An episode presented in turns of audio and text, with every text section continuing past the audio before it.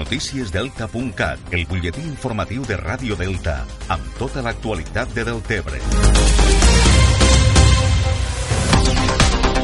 Temps ara per repassar l'actualitat d'este dilluns a Ràdio Delta.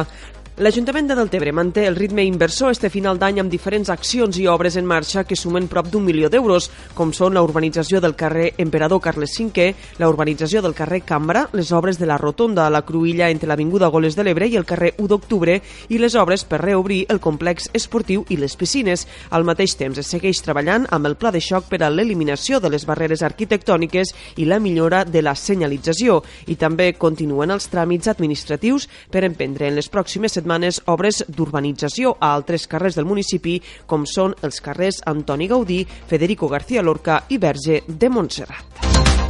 Quatre persones van resultar ferides, tres d'elles de gravetat, dissabte a la tarda en un xoc frontal entre dos cotxes i una furgoneta a la carretera TB Baixa 3454 al punt quilomètric 11 a l'alçada de la discoteca MUM.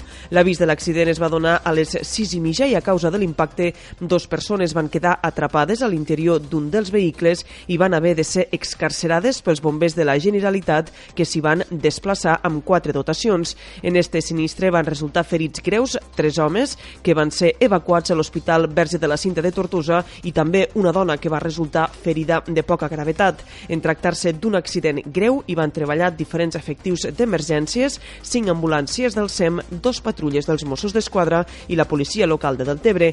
Per facilitar les tasques dels serveis d'emergències es va tallar la TV baixa 34-54 en els dos sentits de la marxa durant més d'una hora.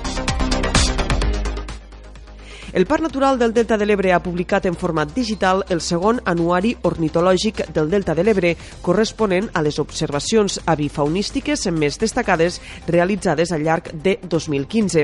L'anuari és una publicació periòdica que té com a objectiu la documentació científica i la divulgació de la riquesa i la importància del Delta de l'Ebre per difondre este actiu entre el públic en general i especialment al vinculat al turisme ornitològic. En esta publicació es fa un repàs detallat de tot totes les espècies i subespècies d'ocells observades al 2015 amb 266 tàxons, a més d'aportar informació qualitativa i quantitativa sobre les poblacions hivernals, reproductores i migradores.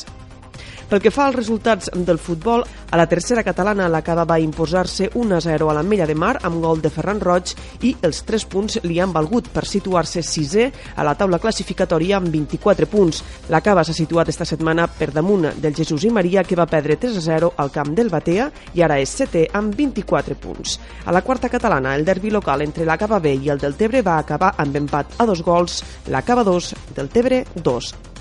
I la Biblioteca Delta de l'Ebre acull des d'avui i fins a finals d'any una exposició en motiu del centenari del naixement de Maria Aurelia Capmany, escriptora, pedagoga i política. Col·laboradora habitual a la premsa, a la ràdio i a la televisió, va destacar també pel seu activisme cultural i polític, per la seva lluita incansable a favor de la llibertat i la igualtat de la dona, àmbit amb la que va esdevindre pionera a Catalunya. L'exposició es podrà visitar en horari de biblioteca. Això és tot de moment. Més informació al portal deltacat.cat.